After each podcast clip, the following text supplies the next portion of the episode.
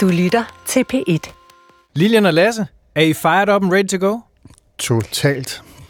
Altså, jeg er klar, som var jeg en næseraket, der lige var skudt ud af Cape Canaveral. Øhm, Det plejer ikke gå særlig godt med dem, Lilian. Har nogle af dem klarer det da, Lasse. Men det er jo fordi, vi kan jo ikke sætte streger nok under, hvor, hvor vigtigt det her midtvejsvalg er. Og det er jo lige om lidt. Jeg kan, og det er lige om lidt. Og hvor stor betydning det får, ikke kun for USA, men også for jer i- hjemme i Danmark og for hele Europas fremtid. Så yes, jeg er fired up og ready to go. This is the year we're going to take back the House. We're going to take back the Senate. We need to do everything we can to get folks organized, mobilized. We're going to take back America. Get engaged. Vote. Vote. Vote. Velkommen til Stjerner og Striber, DR's internationale valgpodcast, der efter en kort efterårspause er tilbage. Og denne gang kaster vi os over det kommende og ekstremt vigtige midtvejsvalg i USA, for der er ikke så lidt, der står på spil den 8. november. Your right to vote. Even our democracy is on the ballot. Selve det amerikanske demokrati er på stemmesedlen, siger Joe Biden, men det er præsidenten faktisk også, lyder det fra hans rival.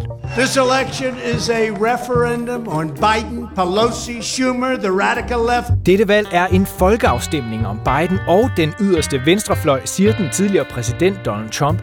Hvad er der på spil ved midtvejsvalget, og hvad betyder det for Bidens sidste to år i det hvide hus? Alt det, det kaster vi os glupsk over nu, og hver fredag frem til midtvejsvalget i november. Mit navn det er Lasse Berg Sørensen. Jeg er podcastbestyrer og journalist på DR's udlandsredaktion. Og med fra Washington D.C. har vi uh, USA-korrespondent Lilian Gerolf Kretz. Hey. Vi, vi plejer jo at kalde dig Nasty Lily her i podcasten. Jeg havde helt glemt det såkaldte kælenavn. Vil du stadig gerne hedde det? altså, det er jo sådan nasty med glimt i øjet, ikke? så den tager jeg, den tager jeg glædeligt til mig. Glimt i øjet. Hvem har fortalt dig det, Lili? Så så, Grumpy, det er godt, du også er tilbage. Det er det gode ved podcast. Man kan rigtig se, hvordan øh, vores ansigtsudtryk er. Var det egentlig ikke noget, Trump sagde der i tilbage i præsidentvalget? Nasty, øh, nasty, Nasty woman. nasty woman. Nasty Øh, woman Hillary, om, ja. uh, yes, som sin modkandidat. Ja, det sagde han jo ret, om ret mange kvinder. Ja, og det blev jo for, for mange kvinder øh, nærmest sådan et æreskodex, når de fik at vide, at de øh, var blevet kaldt nasty. Øhm, jeg tror endda, øh, det er jo lige før den danske statsminister fik øh, lidt af et twist derhen af, da vi havde den store grønlandskrig. Åh oh, ja, Det er ja, det er rigtigt. Men det blev jo set som nærmest en æreskodex til sidst. Lilian, vi ved jo, du er alt andet end nasty. Øh, og vi har jo også Lasse Engelbrecht, journalist, USA-specialist og hushistoriker. I hvert fald i øh, Stjerner og Striber regi. Du er med fra studiet i Derbyen sammen Yes. med mig. Men du er lige kommet hjem fra USA. Ja, det er jeg. Jeg har været i øh, Kalifornien og været i terapi for min hvidhed. Jeg synes også, du ser øh, afslappet ud på en eller anden måde. Ja, men altså, jeg, jeg, blev, øh, jeg deltog i noget terapi sammen med en masse midaldrende kvinder, og de, øh, de var faktisk ikke helt med på at, kan man sige, øh, benåde mig, om man så må sige. jeg er faktisk øh, lidt for hvid, jeg er lidt for racistisk ifølge dem. Øh, jeg har en aggressiv maskulini- maskulinitet. White privilege. Blev du White kureret for den så? Nej, det er en proces, Lasse, der kommer til at tage rigtig, rigtig lang tid. Men det gør det så øvrigt for alle hvide, så det gælder også dig. Du skal ikke øh, stå Nå. og smile, så Jamen, alle, alle skal tjekke deres privilegier, det du siger. det er lige præcis det, det handler om. Lilian, du er jo øh, nærmest kommet lige fra høringerne i kongressen. De her høringer, der skal afklare, hvad der egentlig skete under stormen på kongressen den 6. januar 2021. Der har været en hel del af de der høringer efterhånden. Hvad kom der frem i, øh, i går? Ja, det er jo nærmest déjà vu, for sidst vi lavede stjernerstriber sammen, der fyldte øh, Trump jo også dybest set alt i, i dækningen, og det gør han jo stadig. Jeg sad inde øh, i salen under høringerne i går, hvor man jo kunne høre en knappenål falde, da de ni medlemmer kom ind. Øh, alvoren hang tungt, og vi talte om, at det var en delkonklusion på halvandet års undersøgelser, fire måneders høringer af tusindvis af vidneudsagn og hundredtusindvis af dokumenter, som jo har kortlagt et dramatisk forløb uden fortilfælde i USA's historie, og som jo har stor relevans for den øjeblikkelige situation i USA, og det vi taler om her, det kommende midtvejsvalg. Øh, fordi hvis man skal runde op, hvad budskabet var i går, hvor Trump jo blev stævnet, øh, som er et, øh, kan man sige, en dramatisk es- altså eskalering i den her sag, at altså, han skal vidne under ed, udvalget vil ham ind og sidde og vidne under ed, fordi hans citat skal stå til ansvar for det amerikanske folk. Øh, de fremførte en sag, hvor, øh, hvor de øh, vil give et klart billede af, at alle veje fører til Trump, og hvor kan man sige, konklusionen fra udvalget, som tæller øh, to øh, republikanere, som dybest set har sat deres politiske liv og fremtid ind på den her sag, øh, at øh, angrebet 6. januar, at 6. januar ikke var kulminationen, men måske snarere begyndelsen øh, på et angreb på det amerikanske demokrati og de amerikanske spilleregler. Og det der øh, kampen om demokratiet, det er jo også det, der ligesom bliver nok det overordnede tema for det her øh, års valgkamp. Øh, men jeg synes lige, vi skal snakke om ting, som også skete under den her høring. Fordi under høringen, der spillede de jo faktisk et øh, klip af en dokumentar, som den danske filminstruktør Christoffer Guldbrandsen er i gang med. Den udkommer vist om et par måneder, tror jeg. Øh, han har lavet en dokumentarfilm om Roger Stone, som jo er Trumps ven, tidligere rådgiver. Han er dømt for at lyve for kongressen, øh, og ja, altså totalt en... True øh, vidner og så videre. En, en hyggelig fyr, øh, og meget dygtig ud i diverse beskidte knep. Vi har faktisk snakket om ham før her i, øh, i podcasten. Nå, men øh, til den her høring, der blev der også spillet det her klip fra hans øh, film. When that happens, the key thing to do is to claim victory. Possession is nine tenths of the law. No, we won. Fuck you. Sorry, over. We won. Yeah. You're wrong. Fuck you. Det her det er Roger Stone, der blev optaget øh, inden præsidentvalget i 2020, hvor han siger, at det handler om at erklære sejr. Fuck ja, vi vandt. Det skal man bare sige. Og, øh, og så sagde han også sådan her. I said, fuck the Lord, and let's get right to the violence. That's what I'm Let's go straight to the violence. Ja, fuck stemmeafgivningen. Lad os bare gå direkte til volden. Lad os smadre nogle græskar, hvis I forstår, hvad jeg mener, siger Stone altså i det her klip fra Guldbrandsens dokumentarfilm. Ja, hvis jeg lige må supplere, Lasse, og det, det klip, øh, stod jo ikke alene. Altså, der er forskellige vidneudsagn, som dybest set siger, at den sag, der bliver rejst nu mod øh, Trump, øh, viser, at det her var et planlagt forsøg. Altså at den her strategi med at sige, jeg har vundet, uanset hvad, og så hævde valgsvinden allerede øh, blev planlagt i juli måned, altså flere måneder før præsidentvalget i 2020. Altså at det var en øh, kalkuleret plan, øh, at man på alle mulige måder vil forsøge at bevare magten. Og det her klip viste jo øh, Stone, hvor han står sammen med The Proud Boys, mange af dem, som nu øh, sidder for retten øh, efter angrebet 6. januar, og som Christoffer Guldbrandsen også kom tæt på, fordi han netop fulgte Roger Stone i over tre år. Lad os bare sige, Stone er jo ikke begejstret for Christoffer Guldbrandsen i dag. det tør at siges. Der er jo faktisk sket det, at øh, under høringerne, så får øh, Guldbrandsen en besked om, at Roger Stone sagsøger ham. Ja, han ja, altså... får jo besked om, at, at, at for det første så siger han jo, at det ikke passer, det der bliver sagt i, i, i dokumentaren, at det er deep fake øh, og han slet ikke må bruge klippene og, og så videre. To ting, der egentlig lyder som om, de modsiger hinanden lidt, ikke? Altså deepfake med den her øh, noget... Ja, teknologi, som man kan få en video til at... Ja, en person til at ligne, at han siger noget, som han faktisk ikke siger. Og så øh, tror han ham jo så med at lægge sagen mod ham for noget i retning af 25 millioner dollars. En lille sum for en god jyde, som øh, Christoffer. Næsten 200 millioner danske kroner. Øh, ja, og Christoffer han sad jo bag mig i, i kongressen i går, og kunne se, at han havde netop havde udtalt, at øh, han nok skulle hjem og tale med Sparbank Nord, eller hvad der er hans bank. Men at han også tog det forholdsvis øh, roligt øh, lige nu her, fordi øh, Stone forsøger jo også at nedlægge fodforbud mod den her øh, film. Og, og som du sagde, øh, Lasse E., at øh, jeg husker, da man talte om det her i første omgang, der var Roger Stone nemlig ude at sige, ja, både mig og Kim Kardashian er udsat for deep fake. Øh, det her er fuldstændig taget ud kontekst, man har manipuleret med mig, osv. osv., osv.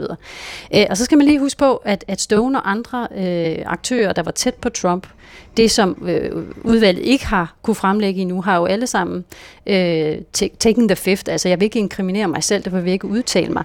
Men Justitsministeriet har jo været i gang med at rensage mange af de her personers hjem og beslaglægge telefoner, fordi der er jo en sideløbende undersøgelse i gang, som vi ikke kender ret meget til, med fokus på 6. januar. Øh, så lad os bare sige, det her, det koger og det brygger, og øh, det bliver ikke sidste gang, vi taler om det i Sjerne og Striber. We choose science over fiction. We choose truth over facts. Lilian, er der en spætte, der er flyttet ind i residensen i Washington? så, det, så det er en meget stor spætte. Nej, der er 25 vejarbejdere, som lige er mødt op for at lave en vejbomb ude foran mit kontor, så hvis det brummer og ryster lidt, øh, så er det altså derfor, det er ikke, øh, det er ikke mit nye kæledyr, en kæmpe spætte. Spætte med kraftfuldt nakkeparti. det kunne også være, det var Steffen, der var i gang med et eller andet hobbyprojekt. Kret Senior, der lige øh, var i gang. Nej, dog ikke. Han er simpelthen øh, ude på landevejen og dækker midtvejsvalg. Og det er jo faktisk midtvejsvalget, vi, øh, vi skal snakke om nu. Fordi amerikanerne, de skal jo til valg igen den 8. november. Det er jo det klart vigtigste valg i min optik i november måned. Øh, og det hedder jo et midtvejsvalg, fordi det ligger midt imellem to præsidentvalg. Altså når en præsident har siddet i to år. Det her valg, det er jo et ret omfangsrigt valg. Øh, men kort fortalt, så handler det om, at øh, amerikanerne skal vælge, hvem der skal sidde i kongressen. Den lovgivende forsamling, der jo består af repræsentanternes hus og senatet. Altså, det er jo ikke Biden, der skal stemmes om den her gang, som Trump jo sagde i indledningen. Lilian, hvor vigtigt er det her midtvejsvalg i forhold til, til præsidentvalget? Jamen, midtvejsvalget kalder man jo ofte et valg om den siddende præsident, altså hvor man dybest set går ind og måler, hvor godt har han så gjort det. Øh, og det er jo også der, hvor det bliver afgjort, hvad kan han så gøre de næste to år? Altså om han øh, dybest set bliver fuldstændig lammet, hvis han taber øh, flertallet i begge kammer i kongressen, altså kan ikke indføre nye love osv., og kun sidder tilbage med sin kuglepind og kan lave executive orders, som har sine begrænsninger, og som hurtigt kan omgøres af en ny øh, præsident. Så på den måde er det jo vanvittigt vigtigt i forhold til den dagsorden, han har frem mod næste valg, hvor det er ham, der skal til eksamen øh, hos, hos vælgerne.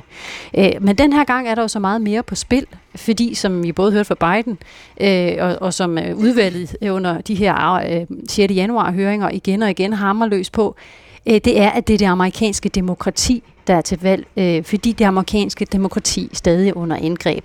Og hvis man ser øh, på det her valg, så har vi altså 300 kandidater, republikanske kandidater, der er valgfornægtere, og som går til valg på alt til, fra pladserne i kongressen her i Washington, men også ude i delstaterne, helt ned til de poster, som kommer til at sidde og godkende valg, øh, i 20, præsidentvalget i 2024, men også til at skal man sige, sætte spillereglerne for, hvordan de valg skal afvikles.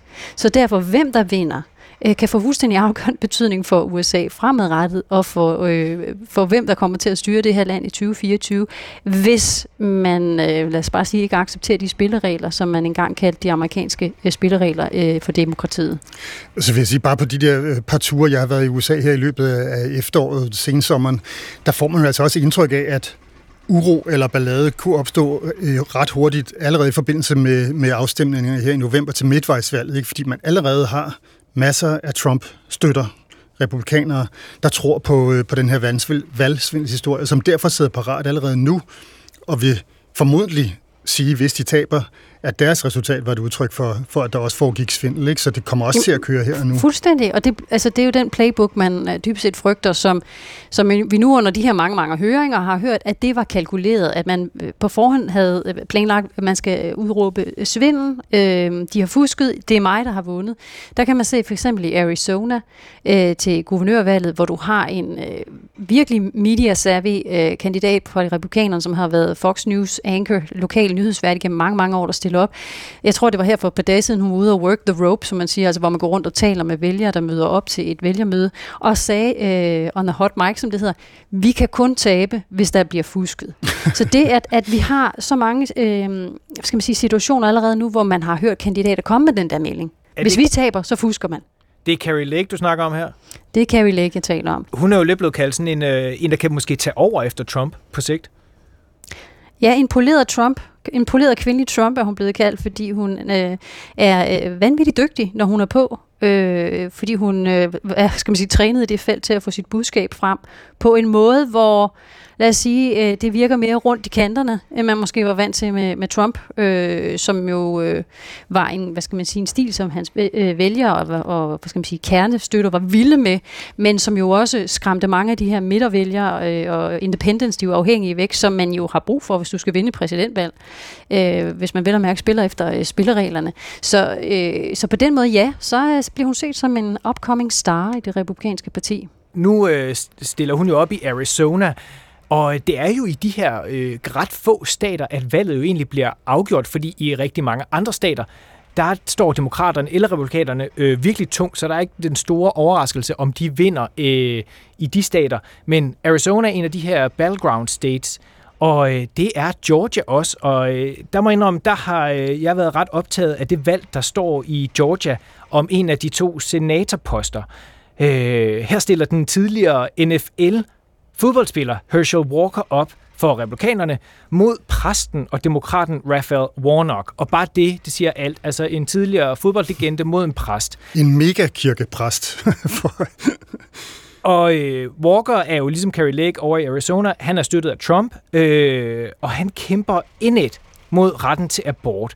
Men der har altså været en række dårlige historier om Herschel Walker, øh, som har ramt ham de sidste par dage. Og det er jo ikke særlig godt, når, øh, når Georgia er en af de vigtige stater for republikanerne. Nej. Ej, vi er ude. Ej, det er ikke så godt, og vi er ude i moral er godt, og dommoral er dobbelt så godt åbenbart. Altså, vi, vi, det, det, altså historien her handler jo om, at øh, vi har en kandidat, der taler om, at abort øh, skal være fuldstændig forbudt, og ikke skal tillades heller ikke ved incest eller voldtægt i nogen som helst tilfælde. Og så har han nogle tidligere øh, kærester, en specifik, som siger, at han har betalt for, for hun fik en abort, og da hun blev gravid igen, så ville han øh, have, have, at hun skulle øh, få endnu en abort, og det nægtede hun så og fik sin søn. Øh, nogle af de børn, han så har, har han så har, det er en, øh, en søn på et par 20, som har været udkaldt ham en kæmpe hyggelig i forhold til de værdier, han taler om. Han, det har han aldrig nogensinde vist, øh, hverken over for, øh, for familien eller øh, hans nærmeste. Det må jo simpelthen være øh, øh, sønnen og valgvideoen fra helvede, øh, den der, der, der kom ud på, øh, på var, var det Instagram, tror jeg. Har vi den, Lasse? Ja, lad os lige høre, hvad Christian Walker øh, siger her. He has four kids, four different women, wasn't in the house raising one of them. He was out having sex with other women. Do you care about family values? Ja, går du op i familieværdier, spørger uh, den her unge konservativ Ouch. influencer, som han jo er. Han har ja. en halv million følgere på Instagram.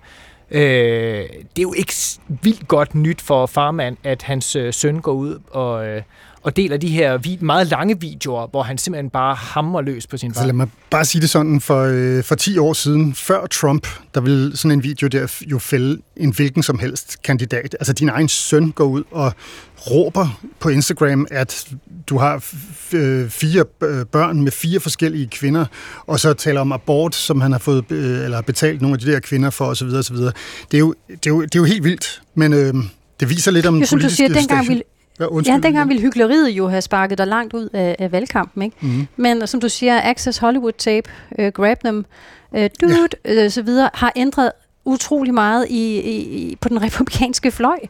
Øh, og det er lidt ligesom om, at, at svaret du også hører øh, fra øh, de, de tunge øh, republikanere her i byen, som jo dybest set også dem, der sidder på pengetanken i forhold til, hvor mange kampagnekroner sender vi så ud i de forskellige stater til at prøve at få vores kandidater over, øh, øh, over stregen øh, og få dem til at vinde. Det er jo, ja ja, men nu ser vi frem vi skal ikke kigge tilbage. Altså at man dybest set er villig til at acceptere utrolig meget øh, og utrolig, skal man sige, problematiske kandidater i kampen om magten. Og så er det altså bare vildt at se, synes jeg, at meningsmålingerne viser, at han jo på trods af de her historier øh, er relativt tæt på Raphael Warnock. Ikke? Det er ikke langt, de er fra hinanden, og vi vil ikke rule nogen ude her overhovedet.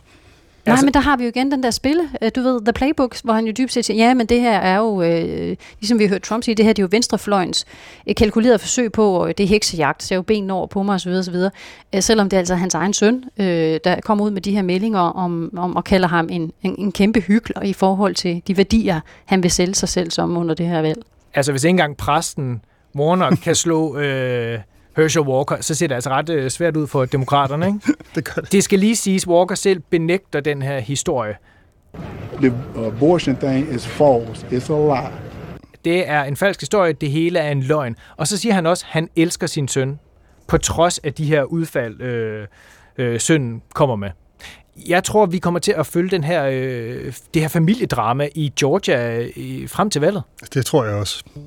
Person woman, man, camera, TV. Midtvejsvalget er jo, som vi har talt om, i høj grad et valg for eller imod den siddende præsident. Så jeg synes, vi skal vende Bidens kampform, valgkampsform øh, nu. Kritikere, republikanere, har jo kritiseret Biden for at være for gammel. Han fylder 80 år øh, i næste måned. Og for at hans mentale helbred ikke er, hvad det har været. Det er jo noget, man hører igen og igen det her, den her kritik af Biden? Øh, ja, det må man sige. Det, det gør man i den grad jo. Det har jo kørt faktisk ja, for, før han blev valgt jo. Hans alder, det går mange på. Republikanerne bruger det, øh, men demokraterne er også lige så stille begyndt at være ret bekymret for det. Der var en øh, episode forleden, der ikke rigtig gjorde det bedre for Biden. Øh, han holdt nemlig et pressemøde for et par uger siden i det hvide hus om øh, den amerikanske kamp mod sult osv., og der kaldte han på et demokratisk medlem af repræsentanternes hus, Jackie Walorski fra Indiana. Sagen er bare den, at Jackie Walorski, hun omkom på tragisk vis i et voldsomt biluheld for øh, to måneder før den her, det her pressemøde. Jackie, are you here? Where's Jackie? I, I didn't think she was, she was going to be here. Uh. Ja, Ja, den var ikke så god. den er virkelig ikke særlig øh, god. Altså, han står jo simpelthen og kalder på et øh, medlem af kongressen, som er, er blevet slået ihjel i en Som omkommet i en bilulykke. ja. måneden før, ja. Man skulle tro, at det vidste han godt. Og det vidste han også, fordi det Hvide Hus havde jo selvfølgelig udsendt en pressemeddelelse umiddelbart efter hendes død, hvor de jo kondolerede og sender tanker til familien. Så det er jo nok en af de her Biden-fortalelser, som vi har snakket så meget om. Ja, ellers så lignede det, jeg ved ikke, så du det, Lilian? Det ligner jo simpelthen, at han er sådan lidt lost. Enten så står han og læser op af en prompter, nej, det kan han ikke gøre, fordi det så vil det ikke stå der, det der, vel? Altså, det, Ja, det og ligner, ellers, han eller også har han ikke vidst det, og, og ikke har været ordentligt opdateret. Men jeg tror, øh, fordi at, at Biden har øh, den alder, han har, så er det jo øh, noget, der slår dobbelt hårdt, når så noget sker for en præsident. Øh, og du vil sige, der er jo ikke noget øh, til, kan man sige, til grund for, at det, alder kan jo betyde erfaring. Men her er det jo blevet et, øh, en akilleshæl for demokraterne, fordi at republikanerne med, med, med, med klip som sådan, øh, kan, kan, kan komme med kritikken, der hedder, at han er ikke, øh, at han ikke er den rette leder for, for USA fremover. Øh, han ser affældig og gammel ud osv. osv. Øh, og det er jo svært i den, i den her skal man sige, verden, USA USA befinder sig i, og i den medieverden, USA befinder sig i, og så se på, hvad det reelt faktisk er blevet gennemført under Biden øhm, og Biden-administrationen. Altså vi taler om, at han har fået samlet alliancen i krigen mod øh, Ukraine, altså noget, der nærmest var, altså NATO nærmest var på vej i, i graven under, under Trump. Øhm, øh, historiske, gigantiske hjælpepakker i det her land, inklusive en infrastrukturpakke, det kan godt lyde som lidt gab, men vi taler altså om noget af det allervigtigste, altså bro og veje osv., noget, der skaber arbejdspladser. Og, og sådan har der egentlig været rigtig mange succeser undervejs, men Biden er også blevet fanget i et øh, skal man sige, felt mellem venstrefløjen og de moderate. Han er blevet fanget af en krig i Ukraine, der har skabt økonomiske problemer for mange amerikanske familier på grund af inflation osv. osv. Så ja, han er historisk upopulær, men det kan vi meget nemt komme til at se fremover, at på grund af det her polariserede, betændte land, den situation, de befinder sig i, at så vil øh, man næppe komme til at se øh, præsidenter, der har øh, flertal, som man måske så for 20 år siden, hvor man godt kunne krydse hen over i opbakningen til en præsident fra det modsatte parti. Når du siger polarisering, Lilian, så reaktionerne på den her lille episode, hvor han øh, glemte et, et afdød kongresmedlem, de var jo øh, altså simpelthen blodige, især på den, eller på den republikanske fløj øh, mest.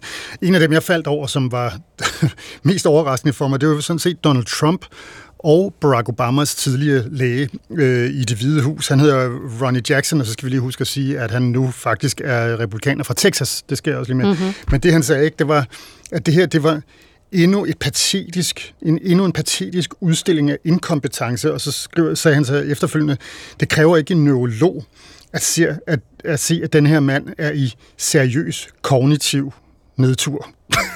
Stille og roligt. Bum. Ja. Men, Men- jo, og selvfølgelig, man kan jo sige, at demokraterne har jo en udfordring. Nu så man så i går øh, klip fra høringer, for eksempel med Nancy Pelosi, der i den grad viste handlekraft, da øh, kongressen var under angreb, øh, og egentlig tog øh, du ved, commander-in-chief på sig sammen med øh, lederskabet derinde, og vicepræsidenten, den republikanske Mike Pence. Men når det er sagt, så har vi jo et, et, et demokratisk lederskab, som alle sammen er oppe i 80'erne, altså som nogen efterhånden ligner nogle af de, lidt de, de der gamle, der sad oppe i balkongen på, i Muppet Show. Ikke? Altså, så, så skal man sige, symbolværdien er jo øh, det her med, hvor, hvor er næste generation for demokraterne? Øh, og det er en kæmpe udfordring, når man ser frem mod 2024. Altså, hvem er kandidaten? Der så kan matche, hvis det bliver Donald Trump. Øhm, og, og det skaber selvfølgelig debat, øh, også i egne rækker øh, blandt demokraterne. Ja, vi ved, at der er en ret betydelig del af demokraterne, der øh, er temmelig trykket over det her. Jo, hvis du ser i målinger, så er der også mange demokratiske vælgere, der er skeptiske over for, om det er Joe Biden, der skal være kandidaten i 2024. Men hvis det bliver Trump, der, bliver, der melder sit kandidatur, så kan det godt være, at mange spørger, jamen okay, hvem, hvem har vi så, mm. der kan matche? Sidst der lykkedes det Biden at, at slå Trump, ikke? Det jo helt vildt, at der ikke er en eller anden fuldstændig oplagt kandidat, man bare kunne sparke ind. Ikke? Det er jo et stort land. Man skulle tro, der var en eller Jo, anden. og det er jo, ti- og det er jo tidligt, og det er jo Ja. tidligt, ikke? Altså, øh, to år er jo nærmest, øh, jeg ved ikke, hvor mange evighed. evigheder i amerikansk politik, ikke? Øh, så jo, men øh, der kan være guvernører, der sidder rundt omkring, lad os kigge til Kalifornien for eksempel, mm. eller andre rising stars, som øh, måske lige pludselig øh, dukker op, ikke? Men øh, så who knows, der er lang, der er lang vej nu.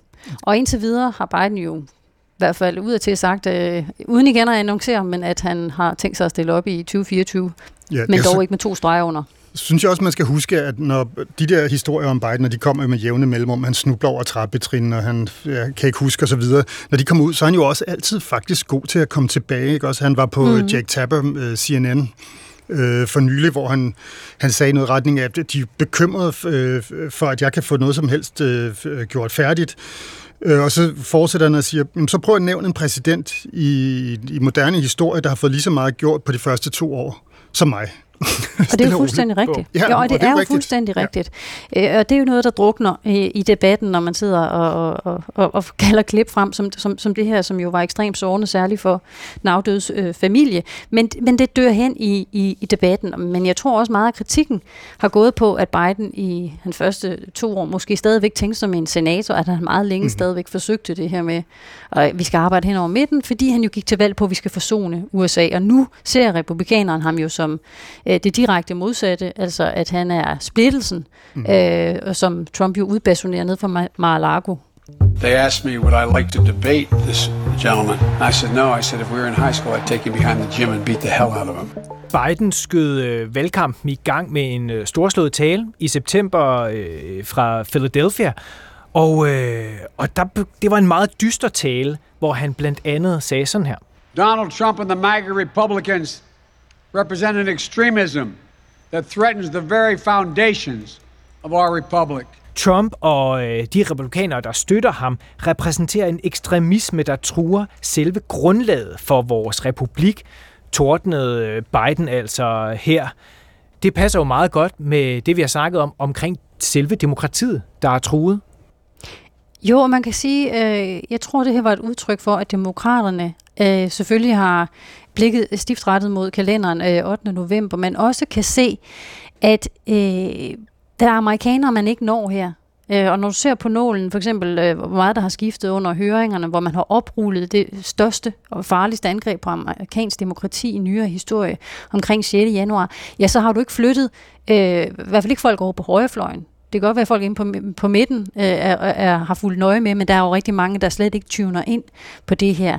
Og når man netop ser på, hvor mange kandidater, der under primærvalgene ble, øh, der vandt som valgfornægtere, altså simpelthen ikke vil acceptere, at valget i 2020 det mest gennemprøvede valg i nyere amerikansk historie, mere end 60, 60 retssager, øh, hvor øh, dommerne dybest set sagde her hverken grundlag eller skygger af beviser, øh, hvor, som blev, hvor vi har dybest set har fået dokumenteret, at den siddende præsident på alle mulige måder prøvede at presse alt og alle hele vejen, inklusiv hans egne støtter, til at bevare magten. Ja, der står vi altså i en situation nu, at mange af de her kandidater har omfavnet øh, den løgn og går til valg på det. Så jeg tror, at det her er øh, også et desperat forsøg på egentlig at forklare, hvad er det for en situation, USA står i, og hvor er USA på vej hen, hvis man ikke længere accepterer et demokratisk valg, eller rettere sagt kun vil acceptere det, hvis din side vinder. Så handler det jo også om for Biden at få valget til at handle om Donald Trump, fordi at det er i hvert fald en figur, som vil få rigtig mange på venstrefløjen eller hos demokraterne til at tænke sig om, når de øh, går ind i stemmeboksene. Ja, det vil i den grad aktivere de vælgere, som du siger, Lasse. Og det handler jo altid turnout, turnout, ikke? Så det er selvfølgelig også øh, skal man sige, et opråb om at få flest muligt ud at stemme, ikke? Øh, med den her frygt for, at øh, Trump vender tilbage. Det er jo også det, der ligger mellem linjerne her. Men øh, det er jo det her, når, når du hører den siddende præsident, en Joe Biden, som gik til valg på det der med, nu skal vi samle USA, nu begynder at sige, det republikanske parti, den, i hvert fald den fløj, der repræsenterer det republikanske parti lige nu, øh, har små fascistiske tendenser. Øh, det tror jeg ikke, endda Joe Biden selv kunne have forestillet, at han ville have sagt for to år siden. Men fordi man ser strømningen gå i den vej, altså mod en autoritær bane, øh, så, så så man den her tale, som i den grad... Øh, jeg skal bare sige, bragt ind i K på højrefløjen. det, det tør siges. Folk øh, sagde at det nærmest var satanistisk. Og også nok fordi, at øh, baggrunden... det var jo en helt baggrund, den der. I de røde søjler. Der var altså, sådan nogle røde søjler og to marinesoldater, der stod helt stift under hele talen. Det foregik foran de der røde mursten fra The Independence Hall i Philadelphia, det, hvor øh, uafhængighedserklæringen blev underskrevet. Ja, demokratiets vugge, ja. Altså, den måde, de kommer ind på, det er jo... Øh, altså, Jill Biden og Joe Biden kommer jo ind sammen, og så kommer de ind, og det er så i lys, men sådan, sådan relativt dæmpet. Det ligner, at de sparer på lyset. Please welcome the President of the United States and Dr. Jill Biden. Men så inden de når talerstolen, så går de simpelthen ind i mørke lige pludselig, så det, man kan ikke se dem i et øjeblik. Og så toner han så først frem igen i lyset, når han kommer frem til talerstolen med to marinesoldater i baggrunden, så man kan roligt sige, at øh, symbolikken var, var til at tage føle på. Det var lige op til Halloween, og på den måde meget passende et eller andet sted. Mike Huckabee, tidligere øh, republikansk præsidentkandidat, han udlagde det sådan her. I, I really looked at it and I thought, my gosh, who wrote this and came up with the venue? Satan? var, det, var det simpelthen Satan, der Satan. havde fundet på det her? Det, det lignede det faktisk, det har han jo ret i. Og så skal vi jo lige huske, at han er jo farmand til den tidligere Sarah øh, Huckabee, som var, øh, er hun ikke tidligere, men hun er tidligere øh, pressetalskvinde for Trump, og som jo selv stiller op til det kommende valg og har øh, politiske ambitioner. How'd you like the red lighting behind him like the devil? Vi skal altså også lige nå at vende Donald Trump, øh, for det er jo snart to år siden, han forlod det hvide hus med en hel del klassificerede dokumenter, har vi nu fundet ud af. Men han er jo langt fra gået på pension, som vi også har snakket om. Øh, han er fejret op, og han er klar til valg. Altså præsidentvalget i 2024, som han lidt hentede her. We might just have to do it again. I think you're going to be very happy. I think you'll be very happy. Men, siger Trump så, så skal de altså først lige øh, vinde her i 8. november. But first we have to win a historic victory for the Republican Party this November coming up. Hvor solidt et greb har Trump stadig om partiet? Jamen, Trump ejer det republikanske parti. Han har stadig et utroligt solidt øh, greb, øh, øh, selvom han dybest set ligger i oprør med, skal man sige, øh, hvad skal vi, det republikanske lederskab i, i Washington øh, on og off the record, for eksempel med Mitch McConnell, men det har han, og det, der har været tydeligt i, ved primærvalgene, altså der, hvor partierne vælger deres kandidater, har været øh, i, i, det, her taler vi også om særlige områder, særlige stater, at der kunne du ikke blive valgt som primær øh, valgskandidat øh, ved vælgerne, hvis du ikke omfavnede Trump. Så det har mange af de her kandidater jo også været bevidste om, og Trump har jo gjort det til et æreskodex, at de dermed også skal omfavne den store løgn, altså om, at, løg, øh, at valget i 2020 blev stjålet fra ham. Øh, og man kan jo se, hvordan han også har elsket og dybt set ydmyge nogle af de kandidater, der tidligere har været kritiske overfor ham, og som nu har haft politiske ambitioner. For eksempel i Ohio, jeg ved ikke, om I så J.D. Lance, som engang var kritiker, nu er vendt tilbage, og som omfavner Trump, for han vil gerne, øh, han vil gerne til Washington. Og der stod Trump til et vælgermøde for nylig og sagde, look at this guy, he, he, you know, he kisses my ass. og hvor til debatten her for et par dage siden, der sagde den demokratiske modkandidat, uh, Tim Ryan, så til, til vælgerne i Ohio, listen, I'm from, I for, I'm for Ohio. I don't kiss anybody's ass. I want to kick some ass. Ohio needs an ass kicker. Not an ass kisser. så det her med, at han dybt set ydmyger og siger, ja, se her er alle mine kandidater til det her eller til det kommende midtvejsvalg, og de er fuldstændig i min hulehånd. Ja, det slog mig forleden dag, hvor jeg sad, det var i New York, hvor jeg sad på hotellet og så Fox News. Altså, Trump er jo inde i hver anden sætning. Altså, de, han er der hele tiden. Og så var det reklamerne. Jeg ved ikke, om du stødte på den derovre, Lilian. På Fox News, der de så begyndte at køre reklamer. Det ligner reklamer, slags julegave-idéer, hvor man kan købe en guide til Donald Trump til sine børn, altså en særlig udarbejdet børneguide. Og det der så er det sjovt, at man lige øh, går et par sider hen i den øh, børneguide, for jeg gik så ind på siden og, og kiggede på det. Så er der et billede af Donald Trump, der bliver sværet ind af Abraham Lincoln. så det, det, det er det, børnene oh de lige God. skal lære at forstå. Let me start off with two words. Made in America. Lilian og Lasse, vi skal til at slutte af. Det gik stærkt. Det gik alt for stærkt, men vi er jo tilbage næste fredag. Yes. Der er jo altid så meget at tale om, når der er valg, ikke? Jamen, det er frygteligt. Jeg føler, at vi kunne lave en daglig podcast om det amerikanske midtvejsvalg. Og nu har vi kun talt om Biden og Trump, så kan det være, at vi skal snakke lidt om, øh, hvad de faktisk går og taler om. Ellers vi har jo øh, snakket om Arizona, vi har snakket om Georgia, men jeg ved ikke, hvor meget I følger med i Utah og, øh, og valgene der. Lilian, Line, det går ud fra, at du gør altså, jeg har lige været i Idaho, som jo ikke ligger så langt derfra, men nu sidder jeg og tænker, hvad er vi teaser for her? Kom, kom. Altså, har du, er du stødt på en kvinde, der hedder Linda Paulson?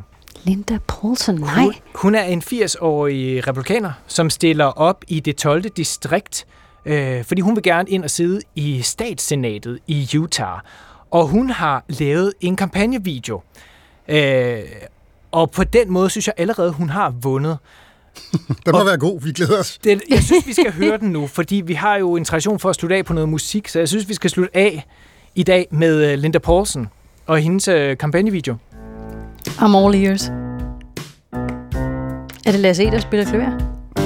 Hey, Utah District 12, listen up right here. There's a new name on the ballot for the Senate this year. My name is Linda Paulson, Republican and awesome. Love God and family and the Constitution. I tried to get another conservative to run. Nobody could do it. So Er den ikke I'm fed? getting it done. Den er den så er virkelig fed, god. og du siger, hun er 80. Og Øh, smæk fuld af energi. give it up, man. Den er jo simpelthen Yay! gået viralt, den her øh, musikvideo. Den har 213.000 visninger. Så det er, Jeg håber, hun laver et mic drop at the end. Hun synger simpelthen om, hvordan øh, hun elsker øh, familieværdier, og om, hvordan hun er en kvinde, en rigtig kvinde, og det ved hun godt være. Fordi der er jo en kæmpe debat omkring øh, transpersoner og rettigheder i USA lige nu, ikke? Og de der kulturkrige, dem skal vi nok vende tilbage til, Lasse. Apropos din tur i Idaho, men den tror jeg, vi skal høre om næste gang, Lilian. Exactly.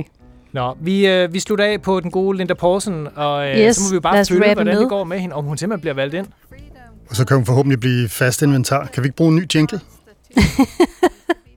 Den kommer her. resurrected. If you share my values, if you like what I stand for, then give me your vote on the 8th of November. District 12 needs a choice. Let me be your voice, Linda Paulson. Linda Paulson for Senate. Mic drop. exactly.